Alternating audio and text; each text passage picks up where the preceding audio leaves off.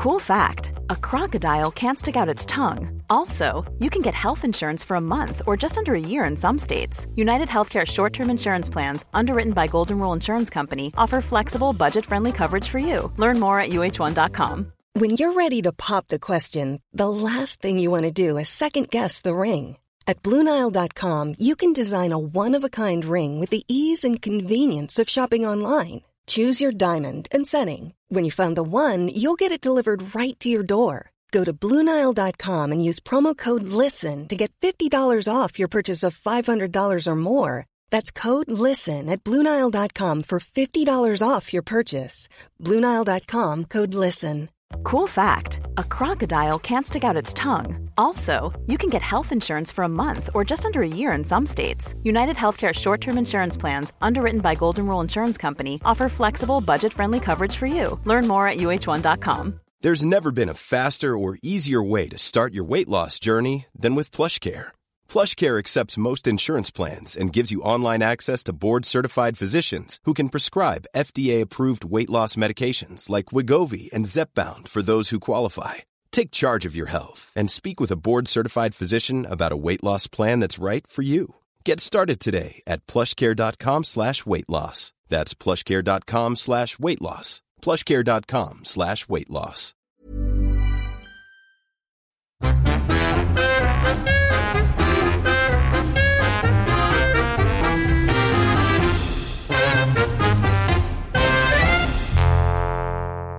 Hej och välkomna till Inte din morsa Goes Djävulspodden. Goes relationstema. Skilsmässa. Yes. Jag tyckte det var dags nu så här.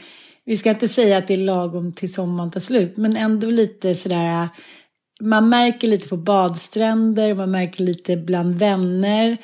Nu är liksom eh, när flaskan som är halvfull har blivit överfull och börjar rinna över. Det är liksom irritation gentemot eh, män, barn, hundar, svärmor och så liknande. Och eh, det är väl så det ska vara kanske mot slutet av semestern. För er som lyssnar nu och inte riktigt fattar vad det här är för någonting. Djävulspodden var ju alltså en podd, eller det är liksom en levande podd som dyker upp Eh, lite då och då när vi känner att så här, men gud, nu behöver vi, eh, vi måste aktivera vår, eh, vårt tillfrisknande ifrån medberoende. Medberoende är ju ett tillstånd som drabbar anhöriga till alkoholister, narkomaner och psykiskt sjuka personer främst. Man kan också bli medberoende till Eh, andra personer som är behovsstarka skulle jag kunna eh, ja, sammanfatta det som. Och medberoende är liksom ingen sjukdom. Det har fortfarande inte blivit en psykiatrisk diagnos som är inskriven i, i eh, eh DSM-5 eller eh, på något sätt. Men det är ett sjukdomsliknande tillstånd där man alltså blir helt och hållet ockuperad av en behovsstark person. Så kan man kanske sammanfatta det. Och du och jag har ju gjort liksom två dokumentärserier på SVT om medberoende. Vi har skrivit en bok som heter Djävulsdansen, Bli fri från medberoende och sen så har vi ju fortsatt liksom att leva kring det här temat Därför att tillfrisknande är någonting som äger rum hela livet egentligen. Det är ingenting som man någonsin kan bli liksom helt och hållet fri ifrån. När man som vi har vuxit upp i familjer som har präglats av beroendesjukdom. Så därför så dyker vi in ibland och gör en sån här temapodd liksom. Och jag tror nog att många Inte din morsa-lyssnare är, eh, ja vad ska man säga, mer eller mindre berörda av eh, medberoende av olika skäl. Eller vad tror du? Jo, det tror jag. Men jag tycker också att eh, det, ibland känns det lite som, eh, lite som någon påpekade efter förra eller två avsnitt sen när jag sa så men gud alla, man, alla har ju fått ADHD-diagnos. Och så skrev hon till mig och sa nej så är det faktiskt inte. Alla har inte det. Jag bara, nej alltså man ska ju inte generalisera så här, alla är medberoende till något. Men alla lever ju nära en eller flera människor med kanske större behov. Det behöver ju inte vara ett konstant tillstånd, men det kan ju dyka upp och där kan man ju själv vara också. Jag tänkte på det nu när jag lyssnade på eh, författaren och eh, ja, tecknaren och tv-makaren Emma Hambergs sommarprat att hon då, hennes man som eh, fick en eh, Agi, som var musiker, som fick en, en klassisk förskolehjärnhinneinflammation. Och det fick eh, två av hennes döttrar också, men de tillfrisknade ganska snabbt medan han ja, blev märkt för livet. Han blev liksom en grönsak. De visste inte om han skulle leva eller dö. Och eh, när han kom hem till slut så levde han med, eller det gör han fortfarande, med återkommande epilepsianfall. Eh, otrolig frustration över att inte minnas, över att inte kunna göra det han hade gjort innan. Han gjorde liksom galenskapsgrejer, skulle cykla till landet och ramlade. Han påbörjade massa projekt som han inte kunde slutföra, vilket gjorde honom ja, men till en briserande bomb. Liksom. Han fick utbrott, han förstod inte själv varför. Och det var som hon sa att både jag och barnen fick liksom köra över oss själva och eh, sånt som man hade stått upp för tidigare var det bara liksom eh, lägga på mattan och köra över. Och barnen lärde sig att bli jättetysta och duktiga flickor. Och det var som hon sa, inga barn ska behöva bli så på grund av eh, någon förälder eller någon annan. Så att det här, liksom, det finns överallt. Att man liksom, ja, men man, alltså, det kan man väl också... För jag tycker ändå att det är viktigt att skilja på att eh, alltså, alla människor kommer ju någon gång under sitt liv att eh, vara anhörig till någon som, mm. precis som då Emma Hambergs man, får en, en, ett fysiskt eller eh, psykisk sjukdom. Men medberoende är liksom någonting annat. Det är när man fastnar i det där anhörigskapet och när hela ens liv under väldigt lång tid kommer att präglas av anhörigskapet och hela ens liv kretsar kring den här personen som är behovsstark. Och det är väl det hon menar lite grann, att liksom, inget barn ska behöva växa upp så. Och när det gäller beroendesjukdomarna då, till skillnad från olika fysiska sjukdomar, det som gör det extra lätt att hamna i medberoende till personer som har de sjukdomarna, det är att de ofta är obehandlade under så himla lång tid. Alltså man vet mm. inte ens att man har att göra med en jättesjuk person. För beroendesjukdomen är liksom, den är kronisk, den är dödlig. 50 procent av alla som utvecklar beroendesjukdom kommer att dö av den sjukdomen. Alltså det är en allvarlig sjukdom helt enkelt. Ändå så tar det mellan sju till åtta år i genomsnitt för en person med den här sjukdomen att få diagnos. Mm, mm. Så bara det gör ju att liksom en, en hel barndom typ kan passera utan att man har fått diagnos på en person som ändå uppvisar allvarliga sjukdomssymptom och tar väldigt stor plats och där omgivningen på olika sätt måste anpassa sitt, sina egna liv och eh, vända ut och in på sig själva för att försöka hjälpa, rädda, eh, ja, engagera sig för den här personen. Så det gör det liksom lite extra utsatt att vara anhörig kanske till en person med beroendesjukdomarna som också är då väldigt skam och tabubelagda fortfarande. Det råder jättemycket. Det gör det ju också kring, alltså att säga att man skulle vara medberoende till jag tänker på du som nu har fått en diagnos. Vi har ju varit inne på det lite grann förut. Att så här, då är ju per definition dina anhöriga anhöriga till dig. Mm, mm, mm. Alltså att plötsligt sitta i den... Och jag menar, eh, jag kan ju också se att mina barn är anhöriga till mig. Och mm. min huvudproblematik i livet har varit medberoende och PTSD. Mm. Så kan jag ju se att mina barn har ju också lidit av det. Ja. Såklart. Och det för en medberoende som ofta ser sig själv som det stora offret och den som har fått vända ut och in på sig själv och så vidare så, så kan det vara rätt svårt att se. Att man mm. själv liksom utgör en, kanske absolut inte ett hot, men att man, man utgör liksom en, en omständighet för sina barn som kanske inte i alla fall är eh, optimal. Så Nej, kan man väl säga. Precis. Mm. Och eh, det är som sagt att, att som medberoende varit i många år så har man ju antagit en roll att rädda och fixa och styra upp. Men, men det kan ju också, på grund av det så har man kanske inte heller utvecklat flera av de sidor som man annars kunde ha gjort. Jag kan också se att så här, jag kanske inte har varit den bästa så att säga råmodellen för raw model heter det ju, det låter så sjukt att liksom översätta det, men att vara liksom en förebild för mina barn i mm. egenskap av så pass djupa medberoende beteenden som jag har haft. Att jag kan se att så här, Ja, jag har inte givit dem de, de ultimata liksom, kartan för hur man typ skapar relationer och mm. hur man lever eh, relation. Mm. Och det där tycker jag är så här, Alltså det är viktigt att ses som medberoende när man lever i tillfrisknande och jag tror att det har varit min starkaste drivkraft att göra mig fri från medberoende. För att leva som en liten ensam ö i anpassning och eh, hundraprocentigt fokus på problempersoner. Det hade jag nog kunnat fortsätta göra som en, alltså bara så. Men det är när jag, har, när jag började inse hur skadligt det var för mina barn. Det var mm. då jag fattade att så här, shit, nej men det är klart. Det här kan man inte hålla på med längre. Men det där kommer ju både du och jag få leva med och få äta upp eh, av, av liksom våra barn just där. Det kan jag ju få höra om min förra relation av mina söner. Att så här, ja men typ vad har du för mandat då?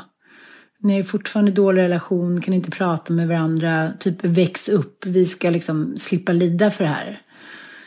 Och eh, då förstår man ju också det här att, att åren kan gå och eh, man tittar på andra människor och säger, men herregud, det var typ 20 år sedan det tog slut mellan dem. Hur bitter kan hon eller han vara liksom? Get over it, typ. Klipp till en själv så här. Jag blir så jävla irriterad. Alltså, det, är liksom, det har pågått ja. i så många år och det har varit så normaliserat i ens liv att relationen har varit sådär kidnappad på alla sätt. Och sen har man ju också ömsat skinn och bytt roller, tycker jag många gånger. Alltså, ja, helt plötsligt så vet man inte vem som är liksom medberoende till vem på något sätt. För det där har liksom bytt skepnad och djävulen är så här, hmm, ja, du vet vad jag menar. Men, men det som mm. jag tyckte också var väldigt intressant med Emma Hambergs sommarprat var just att hon pratar om den här skammen och skulden.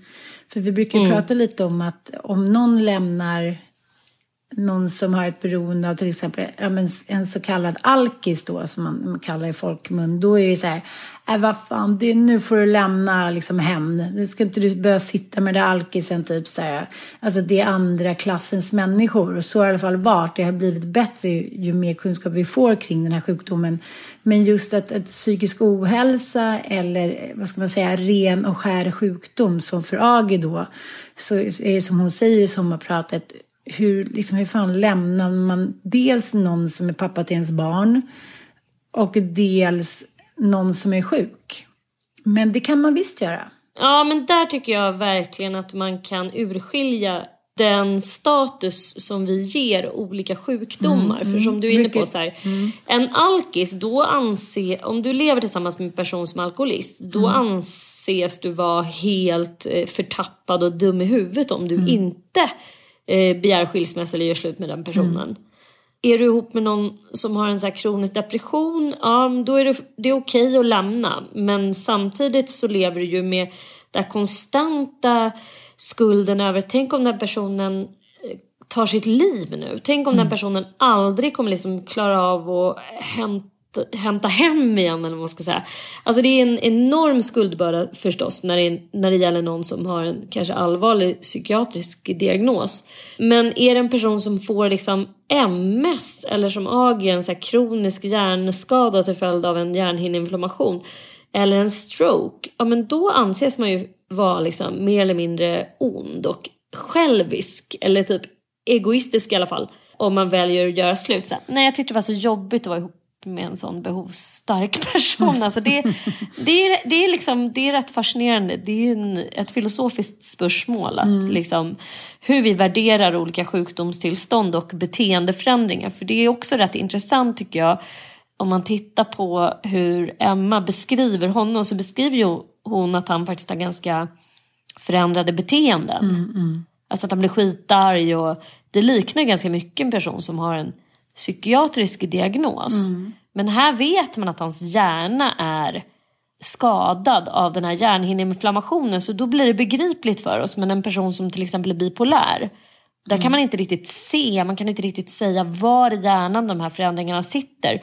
Och då blir det liksom för obegripligt för oss. Då kan vi inte eh, skilja sjukdom. Mm. Ja, men vi, vi, kan inte liksom sätta sjukdomen långt ifrån oss som man kan och ändå så är det ju samma upplevelse för ett barn. De mm. har ingen, liksom, det är ändå så här gud, han beter sig konstigt. Han blev jättearg. Ja. Eller han bara börjar gråta mitt i soppan. Eller liksom kan inte, har ingen konsekvensanalys. Eller är jätteimpulsiv eller så. och får utbrott och liksom.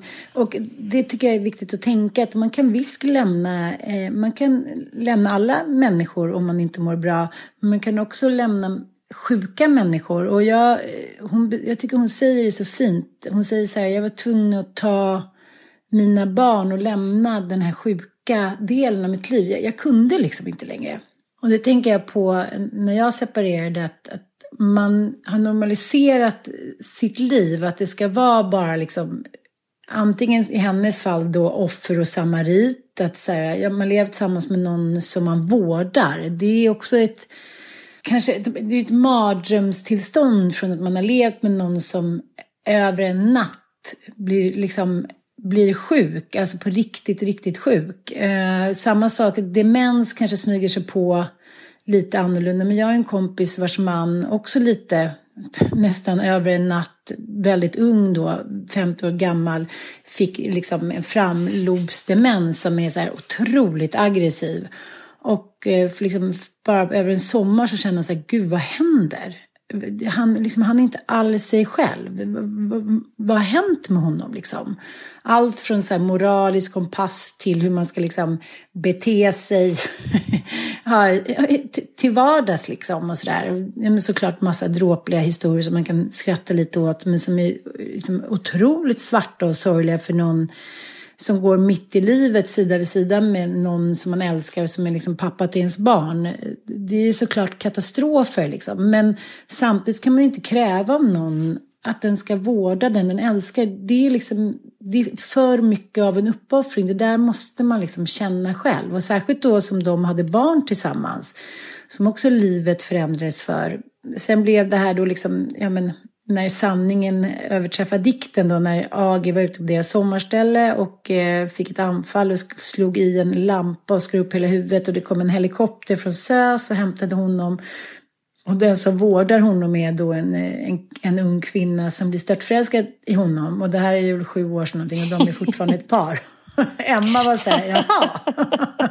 där ligger liksom, där ligger så här eh, en, en, sjuk, en sjuk man som så här knappast kan prata och sen så, ja, så det liksom, ja, slutet gott, allting gott är vad man ska säga. Men, men jag tycker att det är viktigt att säga det att man har inte ansvar för en annan person. Det, det är bara så det är här i livet. Och eh, det kan låta hårt och man kan själv liksom hamna i den där situationen. Men särskilt när man har barn som du säger, det har vi återkommit till både du och jag, att när man inser att så här, ja, man tror att man är kvar av någon form av så här familjeplikt eller att det är ändå bättre för barnen. Men det är ju liksom väldigt, väldigt sällan det. Nej, och sen tycker jag ändå att det är på sin plats att påpeka att så här, det behöver inte vara lösningen för alla. Och jag tänker att så här, i Emma Hambergs fall så är det väl en klassisk sån insikt som hon kommer till att hennes liv blir så pass påverkat av hans sjukdom så att deras relation inte fungerar. Liksom att hon känner att hon inte får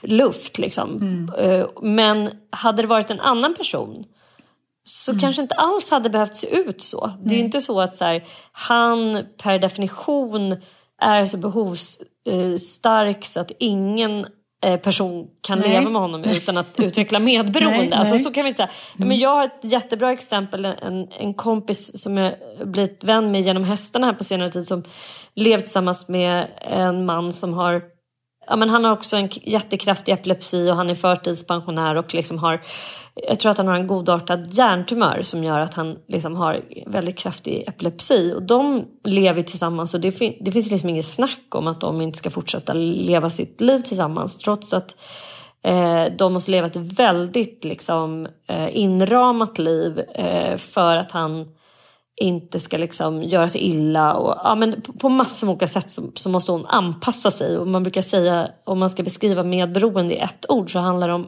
anpassning. Att man får anpassa sig väldigt mycket efter eh, en annan persons liksom, behov och eh, vilja och liksom, nycker och beteenden och sådär. Och det blir liksom aldrig bra. Men det jag kan se på henne som jag har tänkt på själv. Så här, för det är inte utan att man börjar fundera. Tänk dig själv om liksom Matti skulle få en stroke. Det kan ju hamna mm. imorgon dag. Ja, eller jag. Eh, tänk om Micke skulle få en... Ja, men alltså vad skulle man... Men det jag kan se på henne det är att hon har ett sånt otroligt sånt rikt eget liv. Mm. Alltså bara, dels så har hon ju en häst. Hon har liksom så mycket vänner, hon har så mycket kärlek kring sig. Så mycket, hon gör massa grejer. Hon, hon är typ en av de mest eh, glada personer som jag någonsin har träffat tror jag. Mm, mm. Så hon fyller sitt liv med glädje och eh, härliga grejer. Eh, och det tror jag är liksom essentiellt och så otroligt viktigt om man lever med en människa som är sjuk på det ena eller andra sättet. Att man fattar att så här, jag har rätt att vara lycklig ändå. Jag har rätt att eh, få plats i mitt eget liv. Liksom. Mm, mm. Uh, och jag kan gå ut och dansa och garva hela natten trots att jag har en person hemma som ligger hemma och gråter. Mm, mm. Vi behöver liksom inte smittas av varandras känslolägen, även om det är lättare sagt än gjort. För det kan jag säga är min stora akilleshäl, att så här, hur mycket jag försöker att så här, inte påverkas av mina nära anhörigas eh, känslolägen och eh, eventuella ångest, så gör jag det ändå. Det är som att någon, som, att, som vi har pratat om innan, att man hamnar i freeze. Ja, det är mm. som att hela min det är någonting i min ryggrad som säger att så här, nu är det fara och färde och nu måste du liksom nu måste hela din energi gå åt till att scanna den här personen, att eh, fälla ut känselspröt och liksom försöka koll. Och sen kan ju då mitt så logiska vuxna jag försöka återkalla mig själv till mig själv. Mm, mm. Eh, och jag menar, det är väl det som är tillfrisknande, att man så kan identifiera när det här händer, alltså när man går in i så här fight or flight mood på grund av att liksom andra människors då förändrade beteenden. Och för mig så är det ju så tydligt kopplat till alkohol, men också ångest. Jag är som en sån ångestbarometer. Jag kan ju verkligen se så jävla tydliga kopplingar till liksom båda mina föräldrar står ur problematik. Liksom min pappa är alkoholist och, och hela hans alltså grundproblematiken för alla med beroendesjukdom är ju ångest egentligen. Mm. Och mamma bipolär, jättemycket hög ångest. Och så liksom hög ångest betyder ju alltid katastrof för mig. Mm. Antingen liksom en bipolär episod eller utskjutning med ordentliga mängder alkohol och liksom frånvaro mm. av omsorger och omvårdnad och så. Så det är det som sker i mig när jag känner att människor har ångest. Att så här, nu, kommer, nu kommer de här människorna försvinna på något sätt. Mm. Så det, det är mina sådana, så här, alltså där har jag svårt att så här, reglera och hämta hem mig själv. Alltså. Även om jag tar fysiskt avstånd och kan bestämma mig för att så här, men nu åker jag bort en stund eller jag åker iväg någonstans. Så är det som att liksom den där ångestenergin den bara går genom jorden liksom. Mm. Om jag så skulle befinna mig på andra sidan jorden. Om jag tänker rent, om vi ska prata lite statistik och sen återkomma till vad vi gör och vad, vad man kan göra så är det så här, enligt SIFO då, senaste undersökningen gjordes för IQ 2017 så säger 42 procent att de har påverkats av sin partners alkoholkonsumtion och 35 procent har påverkats negativt av sina föräldrars alkoholkonsumtion. Mm. Och 67 procent av alla tillfrågade har påverkats negativt av sina vänners alkoholkonsumtion. Så att det är liksom, det är ganska höga siffror. Ja, men procentuellt är det liksom det här är någonting som påverkar oss ofta, men, vad ska man säga, i alla fall för många kanske till och med varje dag, men annars kanske när man vid högtider eller just som under sommarmånaderna så är det ju väldigt många som kanske dricker för mycket. Ja, men det kan man ju känna själv Extremt många. Ja. Och... Alltså semestern, så här, juli, när mm. industrisemestern börjar. Det är då Systembolagets försäljningssiffror pikar. Mm. Tillsammans med julhelgen. Mm. och midsommar. Men just det, industrisemestern, då ser man ju också en lång period under ganska många veckor när Systembolaget går upp i försäljningssiffror. Mm. Och det är ju liksom ett typiskt sånt nordiskt eh, dryckesmönster vi har. Att så på mm. semestern då ska det spånkas. Mm.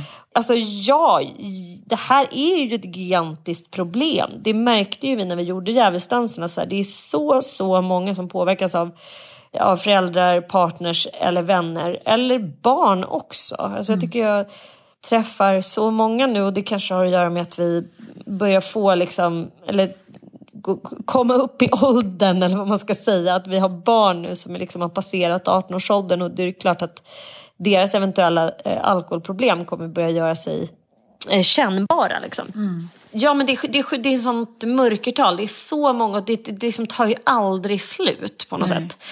Enligt CAN då så är det 10 procent i Sverige som har då någon, liksom, problem då med alkohol utöver, ja vad ska man säga, det normala inom situationstecket. Och eh, det jag kan se nu när man kanske varit ute någon kväll här i Visby och man har varit på middagar och dit, det är att människor har ju en tendens att vilja ta upp det här med sin problemperson eller den de är oroliga för när, när alla har druckit när man själv ja. kanske är lite onykter eller den andra är det. Och det är väl en av de, liksom, vad ska jag säga, tillförlitligaste tipsen när du läser på sådana här sajter om hur man ska prata med någon som man är orolig för. Det är att inte ta samtalet när personen är onykter. Utan man ska vara då i en lugn och trygg miljö som man trivs i. Om man vill verkligen försöka få en person motiverad. Mm. Då kan man med fördel eh, nå fram till en person som alltså dagen efter en urspårad fylla.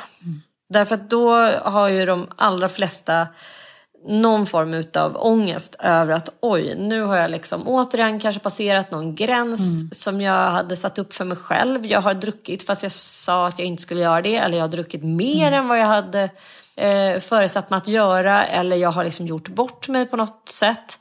Eh, jag har förlorat kontrollen och mm. då kommer de beteendena förstås att efterföljas av att man får ångest och mm. känner enorm sån skam ofta, skuld men också en sån rädsla. Så här, varför kan inte jag styra över mig själv? Vad fan är jag för idiot som inte klarar av att avstå? Och det är också det som är Nej, men det finns liksom lite olika typer av alkoholism. Vissa dricker periodiskt, eh, det vill säga har inga problem att avstå.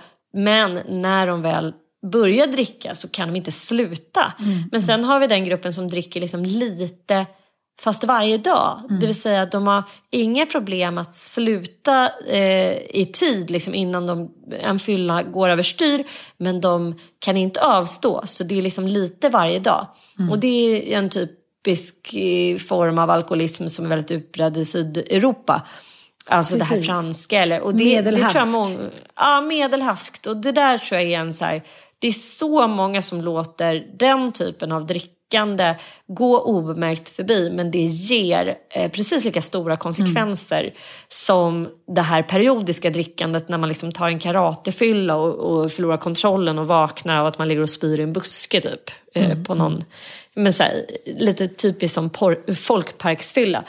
Men hur som helst så handlar ju båda de här, vad ska man säga, falangerna eller typerna av, av eh, beroende handlar ju om kontrollförlust. Mm. Alltså antingen kan man inte sluta, man bara vill ha mer, mer, mer. Eller så kan man inte avstå. Så att man bara, mm, vi tar lite rosé idag igen. Mm.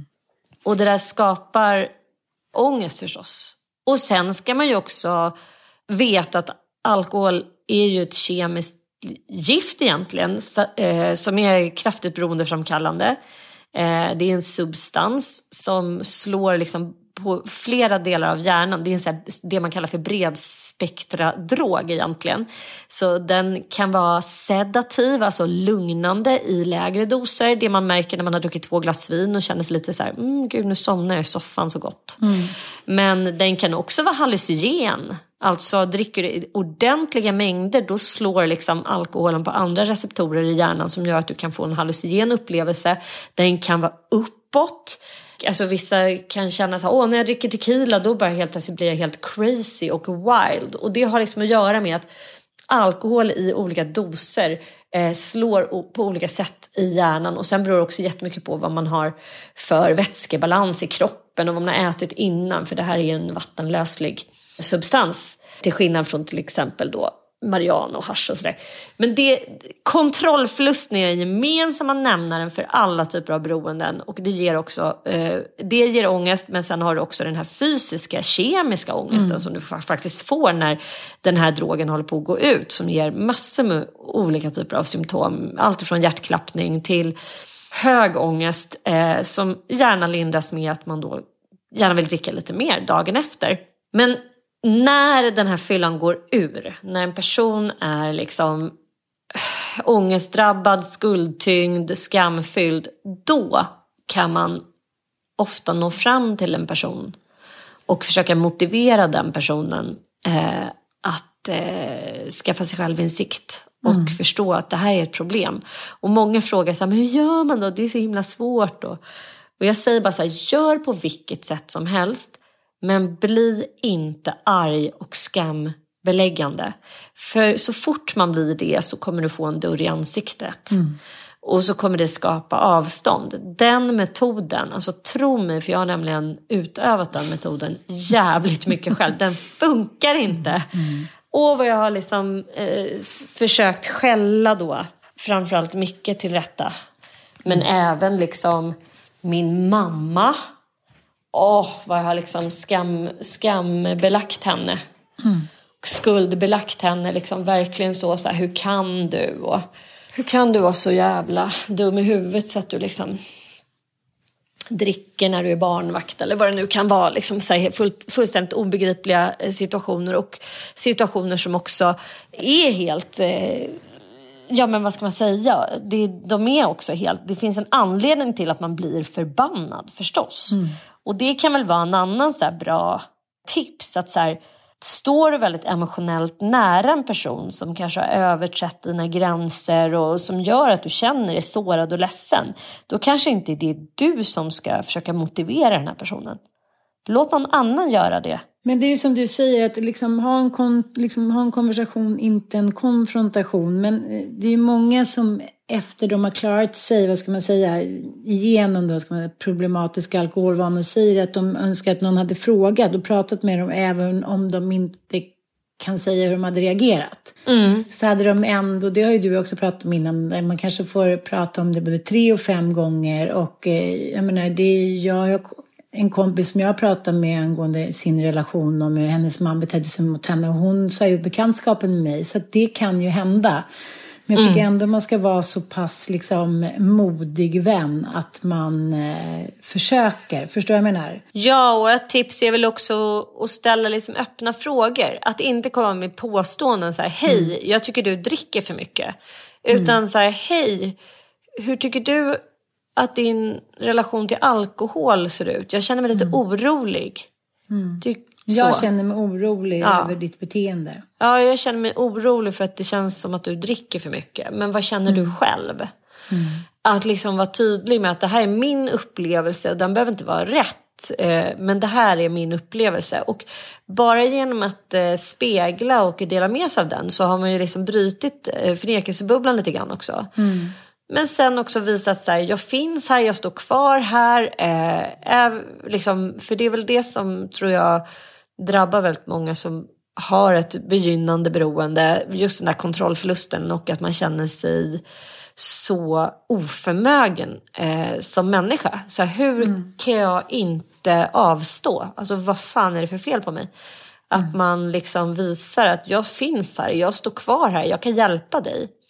Och det är väl ett annat tips att så här, gör en liten research, kolla vad du har i krokarna kring dig. Vad finns det? Har, finns det en, en AA-grupp? Finns det en öppenvårdsmottagning hos din kommun, hos socialtjänsten? Finns det någon bra alkohol och drogterapeut som du kan rekommendera? Alltså, det finns ju det tror jag det är en ganska bra grej, att man bara så direkt kan förse någon med så här, kolla här finns det, här kan du, eh, här kan du få hjälp. Mm. Jag lyssnade på Rebecka Ålund. Eh, mm. Hon har skrivit en bok som jag mm. varmt rekommenderar till alla som har någon eh, kring sig som dricker för mycket eh, eller om du själv känner att du gör det. Eh, den heter ju Jag som var så rolig att dricka vin med. Mm.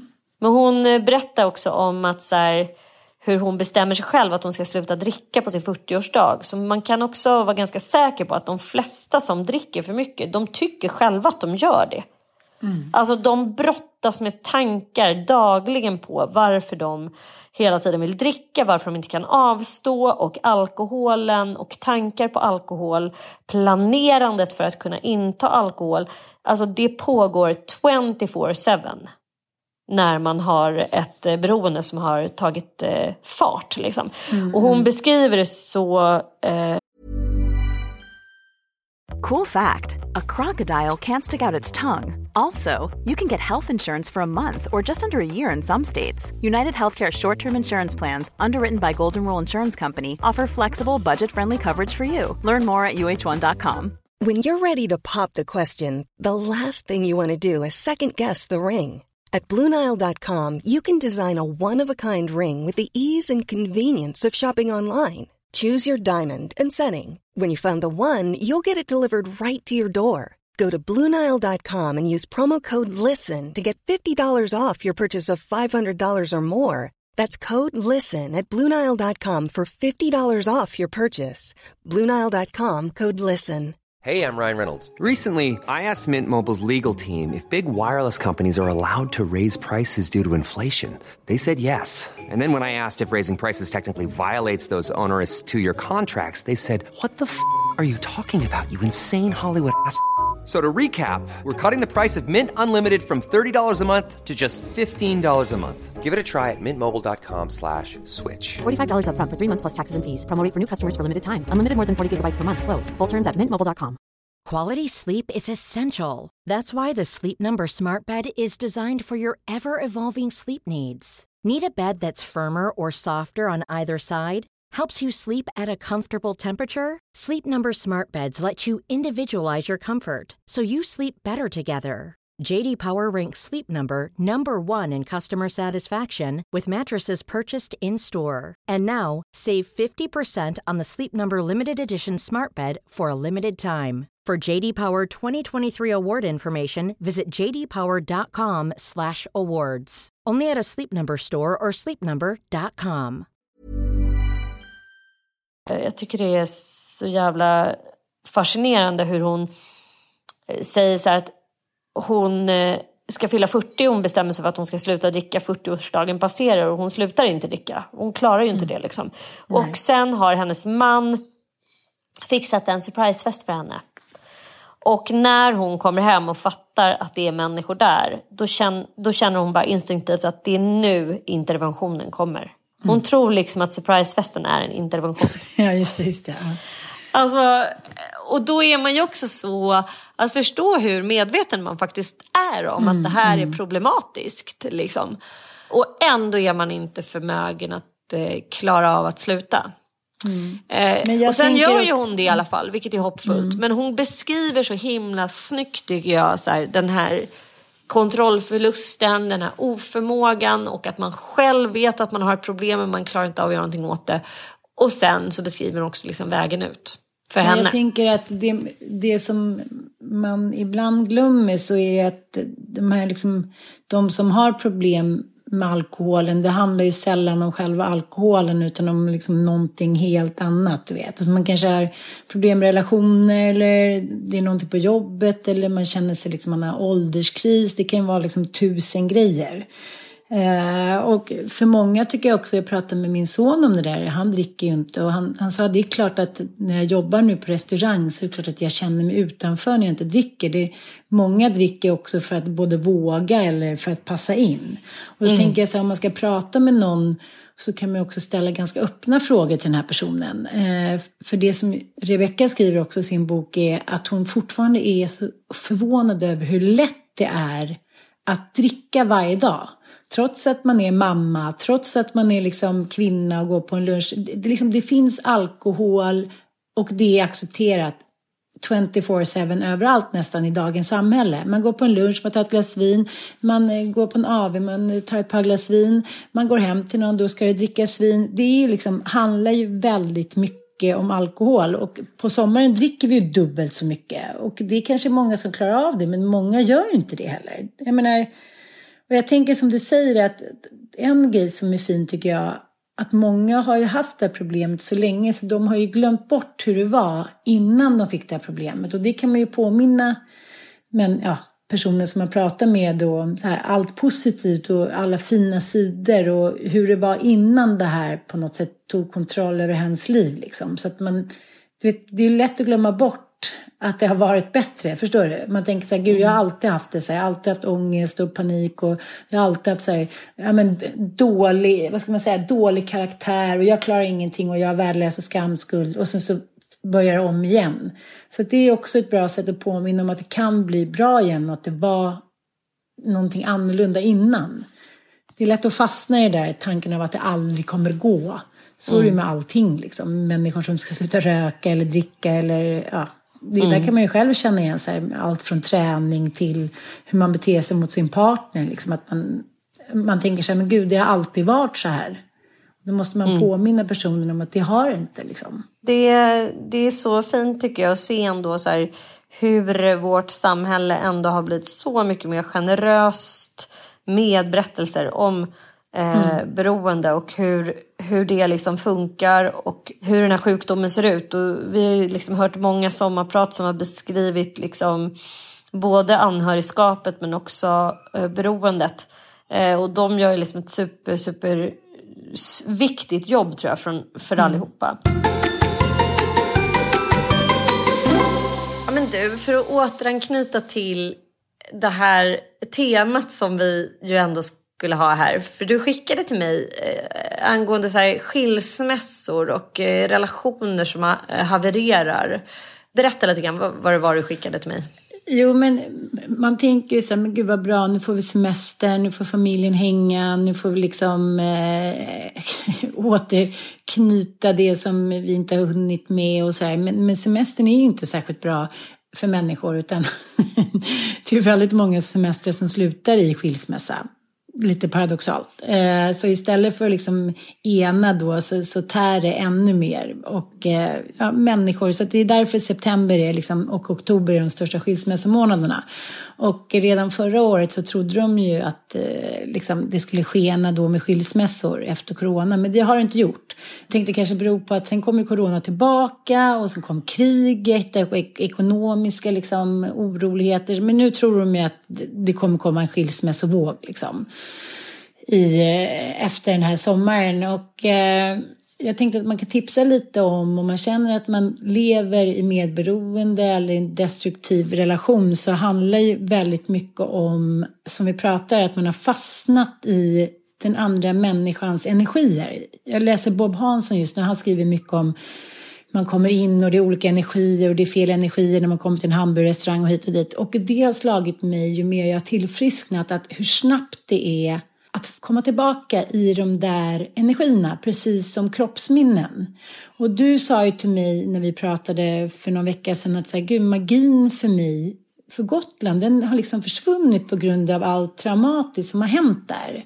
Och att man liksom mm. direkt får sätta sig i den där känslan av hur jävla vidrigt det var då. Och att man hela tiden, som du säger, man måste hålla koll på sitt medberoende och såklart sitt beroende. Och du kommer väl ihåg hur det var den där sommaren när du och din mamma var på Gotland? Det var ju en sommar där du verkligen alltså, levde on the edge. Ja, men, ja, du, mm. du kan väl berätta lite om det? Du, Lo var ju nyfödd. Jag kommer ihåg att du, du ringde till mig. Jo, vi kände varandra då redan. För att jag kommer ihåg att du berättade att Micke hade blivit manisk och skulle liksom beställa massa möbler. Och ni åkte till Gotland fast du typ var nyförlöst. Ja, berätta, jag kommer inte riktigt ihåg. Det som hände när Lo var liten, alltså när Lo föddes, eller sommaren innan Lo skulle födas. Det var då jag på riktigt började förstå att så här, han har nog inte bara beroendeproblem. Liksom. Det är inte bara kokain och alkohol utan det är någonting annat. Det här är liksom, har ingenting med rus eller liksom bak bakisångest eller avtändningar. Utan det här är liksom, det här kan jag bara inte, det här är inte normalt. Mm. Och det började liksom några, men på sommaren innan Lo skulle födas. Han föd, föddes ju den 19 augusti eh, 2009. Och vi hade varit på Gotland, jag, mamma, Olga och Igor. För jag var också så trött på att så här, fan, jag, jag, är så trött på att Micke bara filmar hela somrarna och så är det liksom kaosartat. Det har alltid varit mer kaos sommartid under de åren som vi, då hade ju vi liksom varit ihop i tre år. Från och till och vi hade inte egentligen någon så här superetablerad relation. Vi bodde inte med varandra. Vi var särbos. Det var liksom kaotiskt och dramatiskt. Precis på det sättet som nästan alla så här beroende slash medberoende relationer ser ut. När drogerna och beroendet har liksom absoluta spelarhuvudpersonen i den här pjäsen. Liksom. Det är det som är det viktiga här. Eh, jag tänker också att så här, för alla som är medberoende så kärnproblematiken tror jag för de allra flesta som går runt och har ett utvecklat medberoende så är det rädslan för att bli lämnad. Mm. Eh, rädslan för ensamhet, rädslan för att bli lämnad och det är liksom därför vi tar till anpassning som strategi eh, för att få vara kvar, för att få finnas till, för att behaga, för att vara, få vara i kring. Nej men just det där att man är så pass utmattad och eh, ockuperar den andra människans energier. Att så här, ja, men som när det ligger på BB och Micke ska bara snabbt ner och köpa liksom någon möbel innan de stänger. Det är det som jag tycker är min akilleshäl. Att när människor hamnar i det där då är det som att jag dras till dem som en magnet och sen är jag inne i deras dyss och jag vet inte hur det har gått till och jag mår så jävla dåligt över det. Jag håller med. Jag kan också säga, jag är väldigt svårt att urskilja vad som är normalt och mm. friskt och vad som är liksom, nej men det här är inte ett normalt sätt att agera. Mm. eh, och det, det tror jag har jättemycket att göra med att liksom min mamma i perioder var hypoman och manisk och jag upplevde henne som härlig då. Mm. Jag, upplevde henne som att hon, hon var liksom levande och mm. livskraftig. Och, wow, jag tyckte det var liksom helt underbart. Så här, nu är hon på gång. Det är nu det härliga händer. Det är nu det liksom fattas massa härliga beslut och allt är möjligt. Ja, nu är hon glad liksom. Och, nu, och sen när hon var depressiv, det, det kunde jag urskilja som någonting som var liksom farligt och sorgligt och alltså, oroligt, eller man ska säga. Den här ångesten. Men det som är upp uppåt, det maniska, det upplever jag i alla fall som att det är så här härligt typ. Men tills det slår över och det som hände den här sommaren på Gotland det var ju att Micke köpte ett hus liksom helt utan min inblandning. Vilket ju är ganska, även om vi hade en, en relation som inte liksom byggde på så att säga, normala principer. Så här, ja, du och jag delar livet tillsammans. Det var ju väldigt kaotiskt, det var väldigt dramatiskt och vi var särbos och vi liksom var på och av. Och han var liksom otrogen och då gjorde jag slut och så blev vi ihop efter tre veckor igen. Och han bönade och bad och helt plötsligt kom han med en förlovningsring och vi var förlovade. Men sen köpte han då helt plötsligt det här huset. Och det var liksom, det var som att någon så här, det var någon som tände en lampa då för mig. Att så här, fast det här är lite väl crazy. Det här är faktiskt, det är jättekonstigt. att han köper det här och bara så här, det är en ganska stor investering. Det är också ett så här jävligt stort beslut att så ja, här ska vi spendera hela vår, våra somrar och vår lediga tid. Och han kunde liksom inte se det ur mitt, mitt perspektiv och där kunde jag också identifiera liksom att det här är skitknäppt. För att han var så här, här har jag köpt ett härligt hus, du borde bara vara glad. Du borde bara vara glad. Och sen blev ju han fullkomligt mentalt eh, besatt av att inreda det här huset. Och Lo skulle då födas liksom, tre veckor senare så föds Lo. Och alltså i förlossningssalen så sitter han och så här scannar olika möbler, Laurits.com budar på massa auktioner. och piper iväg efter liksom en timme för att han bara måste hinna till Dux på Götgatan för att köpa en soffa till det nya huset. För det ska gå en transport med möbler dit och det är jätteviktigt. Och dagen efter ska det alltså gå en transport med möbler till Gotlandshuset så han kan inte följa med på, till efterkontrollen och köra mig dit. För det här är alltså så viktigt. Liksom det här nu, det här är riktigt, det här är galet. Det här är, det här är, vem fan vill köpa en soffa när man precis har fått ett barn. Liksom. Det, men det är ju den där grejen som triggar, som mitt ex som aldrig mer skulle köpa en bil och dagen efter kom han med typ en bil för en mil. Han bara, jag har en överraskning. Jag var så här, jaha, vad är det nu då typ? Jaha, en bil, en lyxbil. Men du sa ju igår att du aldrig mer ville ha en bil. Du har precis sålt bilen. och det här gör ju också som du säger att det är också svårt för att människan då som man lever nära, problemmänniskan, är ju glad och lycklig när de är inne i sin mani. Men man förstår inte var, och de förstår inte varför man själv känns som att man lever i, liksom, i en Kafka-film och allt känns så svart som... Det är ju svårt att nå. Och det tycker jag är ett väldigt viktigt råd, att för att kunna ta sig ifrån den här destruktiva relationen. Det kanske inte behöver vara för alltid, men just när det här pågår så har du ingen chans. Det är ungefär som att prata med en, med en onykter människa och så berätta hur ledsen du är. Någon som är skitpackad. Dels kanske hen inte minst ens dagen efter. Och så tycker jag med hypomani också. Att det, är som att den människan liksom är i någon helt annan sfär och inte Nej, förstår. Men den är fullständigt mm. ointaglig för liksom, eh, logiska resonemang och man är bara ett hinder mm. så fort man liksom försöker sätta upp en stopp. Liksom, hallå, bromsa lite här nu. Det här är liksom inte riktigt, då är man, alltså inte ens vilda hästar kan stoppa en person yes. som håller på så. Och det kän man känner sig så jävla överkörd för att vad man än säger och vilka behov man än uttrycker så är det liksom inte viktigt utan det är den här visionen som den här personen som har då en mani eller hypomani för ögonen och det som hände då, det var liksom att jag, jag bara, jag, jag kände så starkt att så här, det var någonting som gick sönder i mig. Eh, och jag började verkligen fatta att så här, det här är inte ett liv, jag kan inte leva så här. Apropå det här med liksom att så här, beroendesjuka och medberoende eh, personer, liksom, de har svårt att göra slut med varandra. De har svårt att mm. skilja sig. De lever med varandra alldeles för lång tid mm. och de bidrar till varandras eh, sjukdomar ja, och, och, fall. Och stress. Ja, och, och stress. Det blir ja. en djävulsdans. Det blir en djävulsdans. Ja, mm. och att säga till de här personerna att du måste göra slut eller du måste lämna. Det är fullständigt fruktlöst och lönlöst. Det man istället ska fokusera på det är att se till att de här personerna får hjälp för sina respektive problematiker. Mm. Sen kommer det, och det här sker hela tiden och det, ser, det här har du, du är liksom ett strålande exempel på det. Om någon hade sagt till dig mitt under liksom brinnande så här, akut eh, situation med ditt ex, du måste lämna honom. Alltså det fanns ju inte på din världskarta att du skulle göra det just då. Jag spelade ju med att jag skulle göra det. Men det fanns ju aldrig på kartan. Nej, det var ju vi två mot världen, vi var så kära och allt skulle lösa sig. Och ändå fattade jag inte varför jag så här, tappade hår, eh, såg ut som Heikon Bacon och bara stod och skrek så här, Gud hjälp mig och barnen verkade må dåligt. Det, det tänkte inte jag att det hade med det att göra.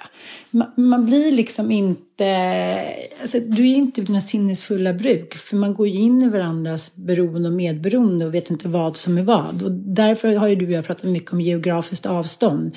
Det behöver ju inte vara att man ska flytta till New York som Fredrik Virtanen tipsade mig och Nanook kom Ni får, någon får flytta till New York ett par år. Jättelätt tre, på, tre små barn som är ett, två och fyra år. Liksom.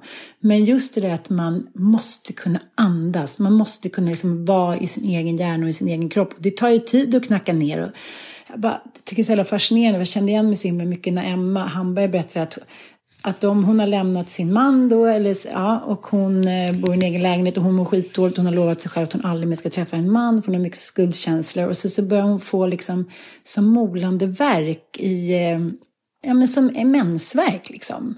Hon undrar vad är det som har hänt? Det är någonting, hon, äggstockarna och hon tror att hon har fått cancer och eh, hon är verkligen orolig. Det är liksom pirrar och det är, det är som sockerdricka i kroppen och hon går till sin gynekolog som säger så här, men gud vad är det här? Du har liksom, eh, du har fått så här, ägg, hon hade ju varit klim, hamnat i klimakteriet för flera år sedan, hon hamnade i klimakteriet väldigt tidigt, Emma. Men att det är kroppen som har börjat vakna till liv. Alltså libidon är inte längre död. Det är så här, okej, okay, du är inte längre bara en vårdare, du är inte längre bara i kris.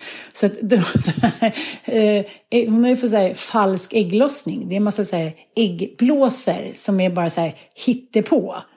Ah, nej, vad kul. Nej, det, och, och det är det som händer och det, det måste man ta på allvar. Alltså, kroppen säger ifrån.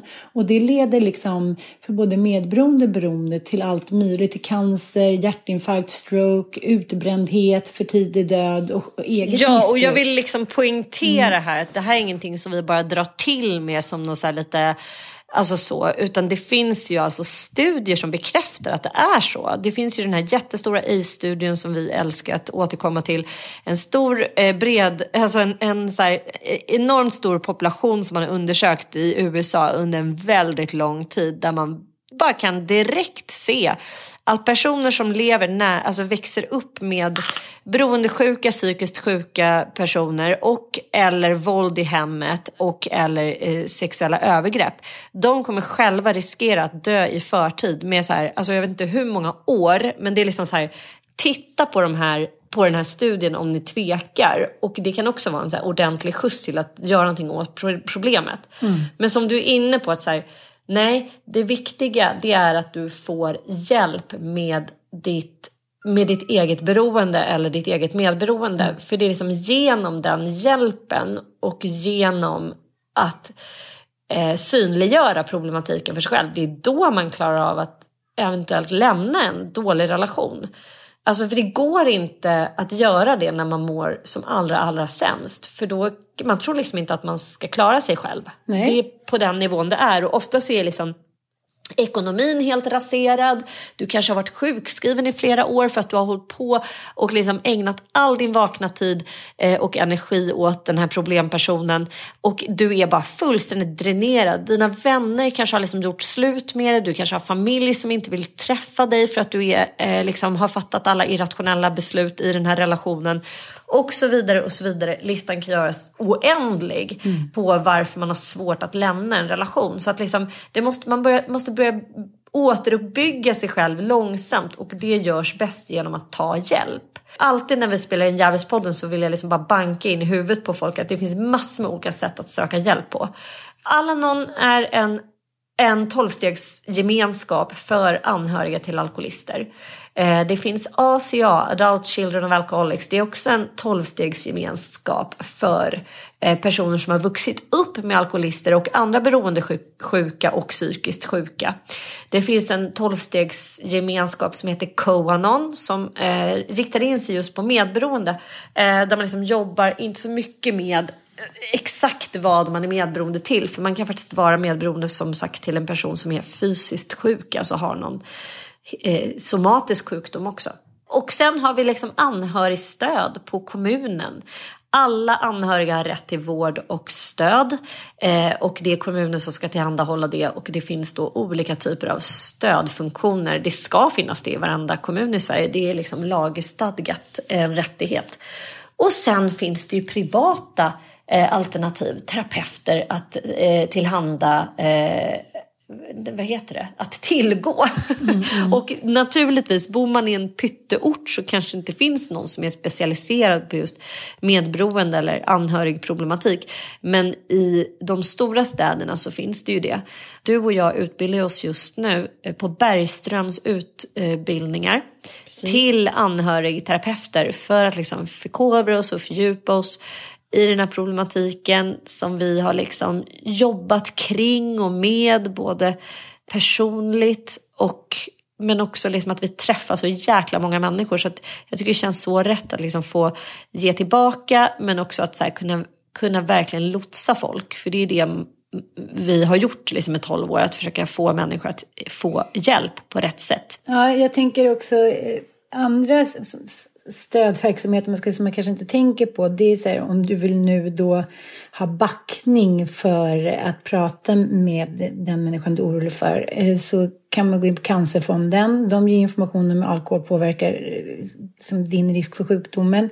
Folkhälsomyndigheten. Eh, liksom, där kan man också gå in och läsa hur man kan få hjälp att fatta bättre beslut om sin alkoholkonsumtion.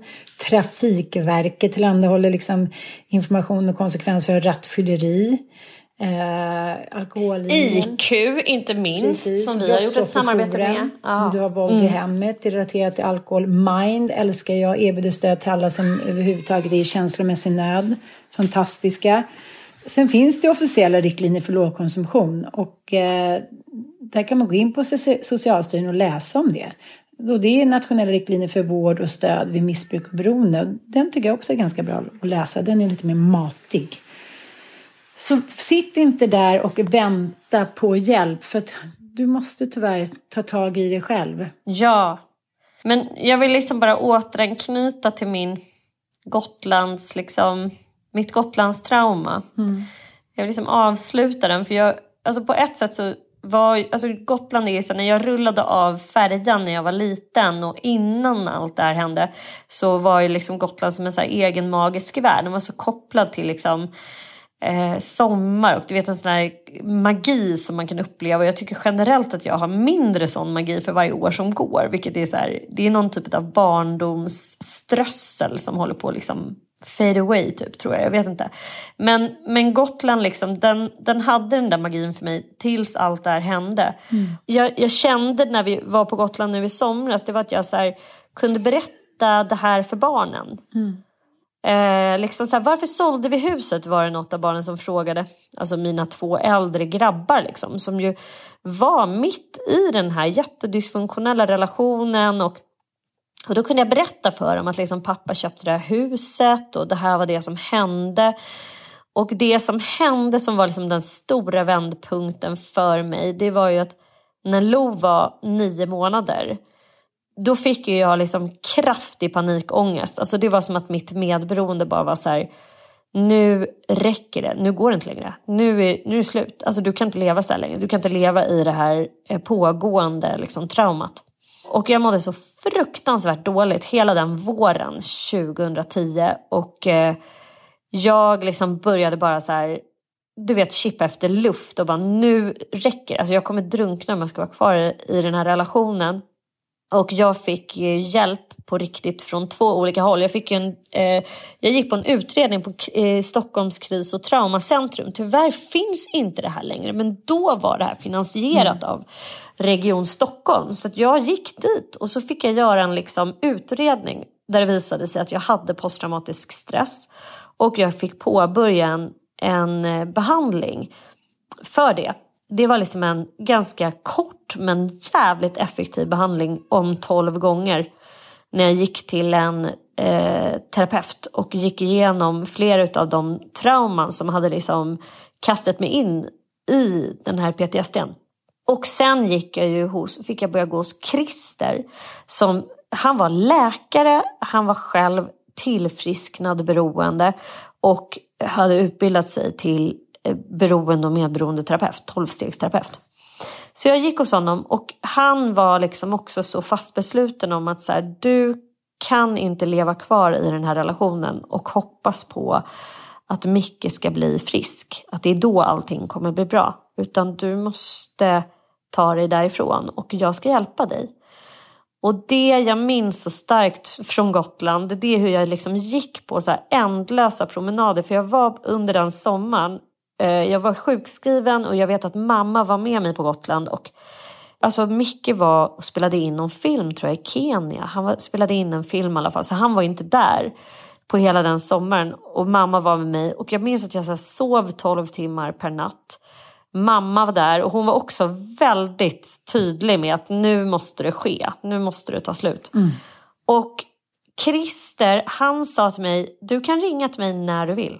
Och jag ringde till honom sex, sju gånger om dagen.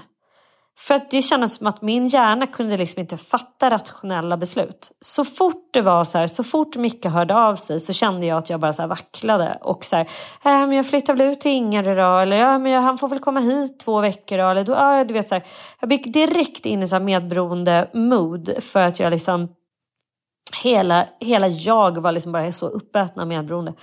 Och då ringde jag till Christer och bara, ja, nu ringde han och jag sa nej, nu gör jag så här.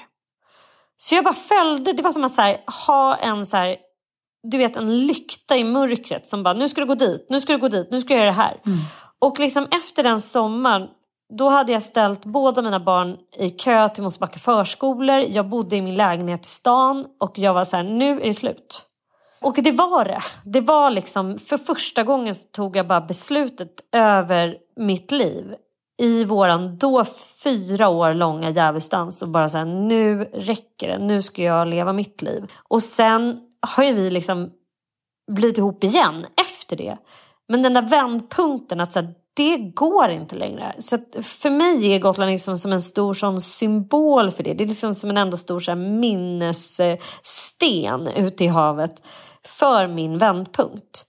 Och vändpunkten är ju liksom både jävligt smärtsam för att jag minns liksom allt som var så fruktansvärt jobbigt blir så tydligt för mig. Jag går inte och tänker på det dagligdags. Alltså jag tänker väldigt sällan på det. Men där blir det ju jättetydligt. Mm. Men samtidigt så är det ju också en sån jävla tacksamhet. Att det fick bli så där, att det där blev min vändpunkt. The point of no return. Och ja, den måste man, och att, så här, den måste till. Mm. Ja, att man bara liksom måste, man måste hugga tag i problemet liksom. Och det kan ju se ut olika för olika människor och olika människor är olika smärttåliga och smärtkänsliga. Mm. Mm. Och liksom, eh, man kanske har, och det som händer ofta som är så vackert, att liksom bestämmer man sig för att säga nej, nu ska jag bli fri, jag måste släppa taget om dig. Jag kan inte liksom kontrollera dig, jag kan inte kontrollera din bipolära sjukdom, jag kan inte kontrollera ditt beroende. Det enda jag kan göra, det är liksom att hålla mig till sinnesrobönen. Att liksom, det enda jag kan göra, det är liksom att acceptera sakerna som de är på något sätt.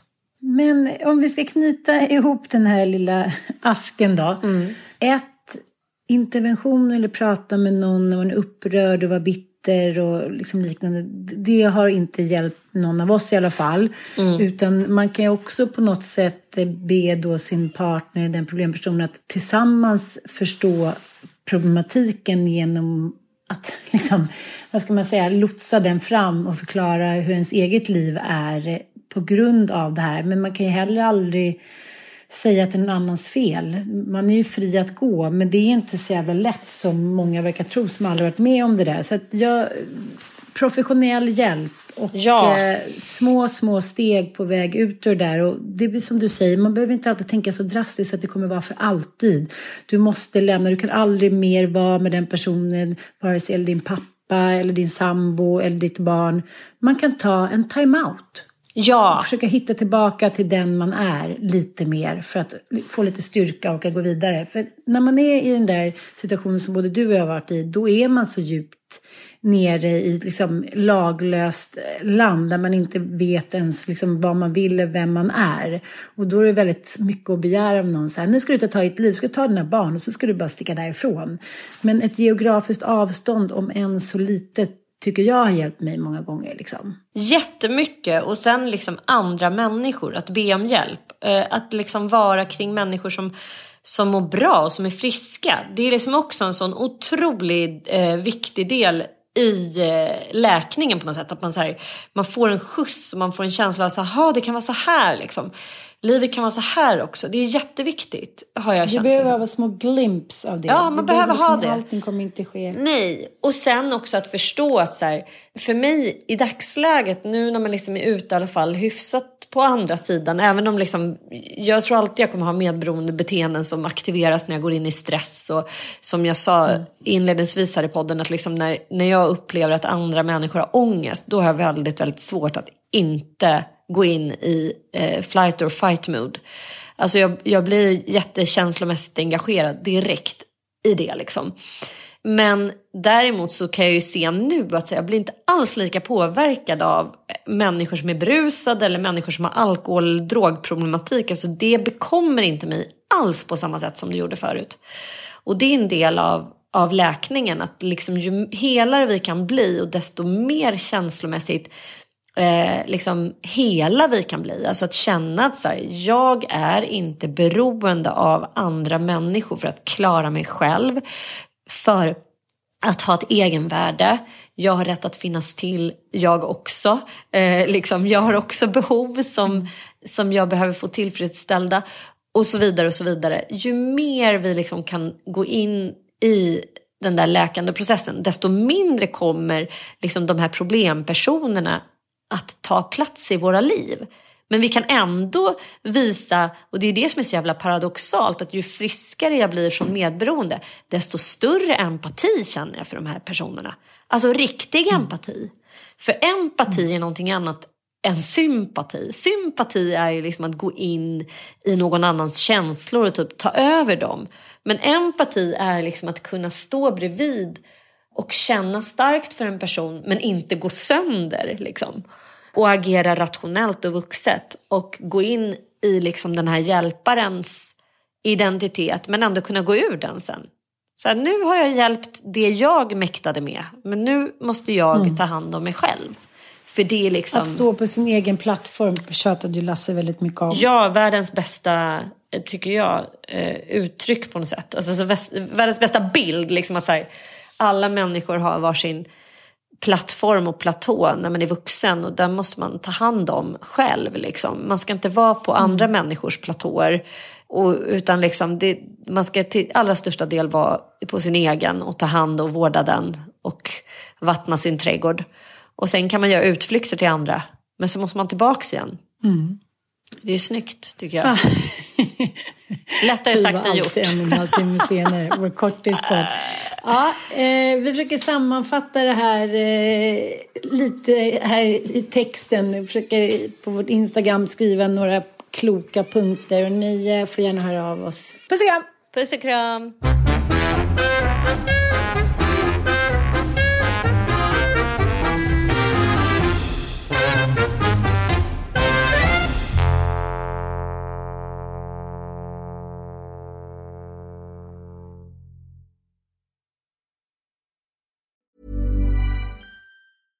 Even when we're on a budget, we still deserve nice things. Quince is a place to scoop up stunning high-end goods for 50 to 80% less than similar brands. They have buttery soft cashmere sweaters starting at $50, luxurious Italian leather bags, and so much more. Plus, Quince only works with factories that use safe, ethical, and responsible manufacturing. Get the high-end goods you'll love without the high price tag with Quince. Go to quince.com/style for free shipping and 365-day returns. This message comes from BOF sponsor eBay.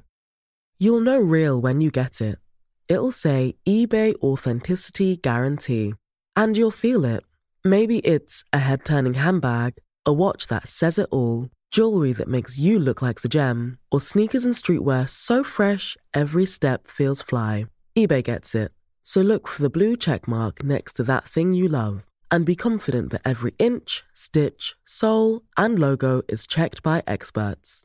With eBay Authenticity Guarantee, you can trust that feeling of real is always in reach. Ensure your next purchase is the real deal. Visit eBay.com for terms. Hi, I'm Daniel, founder of Pretty Litter. Did you know cats tend to hide symptoms of sickness and pain? I learned this the hard way after losing my cat, Gingy. So I created Pretty Litter, a health monitoring litter that helps detect early signs of illness by changing colors, saving you money and potentially your cat's life. Pretty Litter is veterinarian developed, and it's the easiest way to keep tabs on your fur baby's health right at home. Go to prettylitter.com and use code ACAST for 20% off your first order and a free cat toy. Terms and conditions apply. See site for details.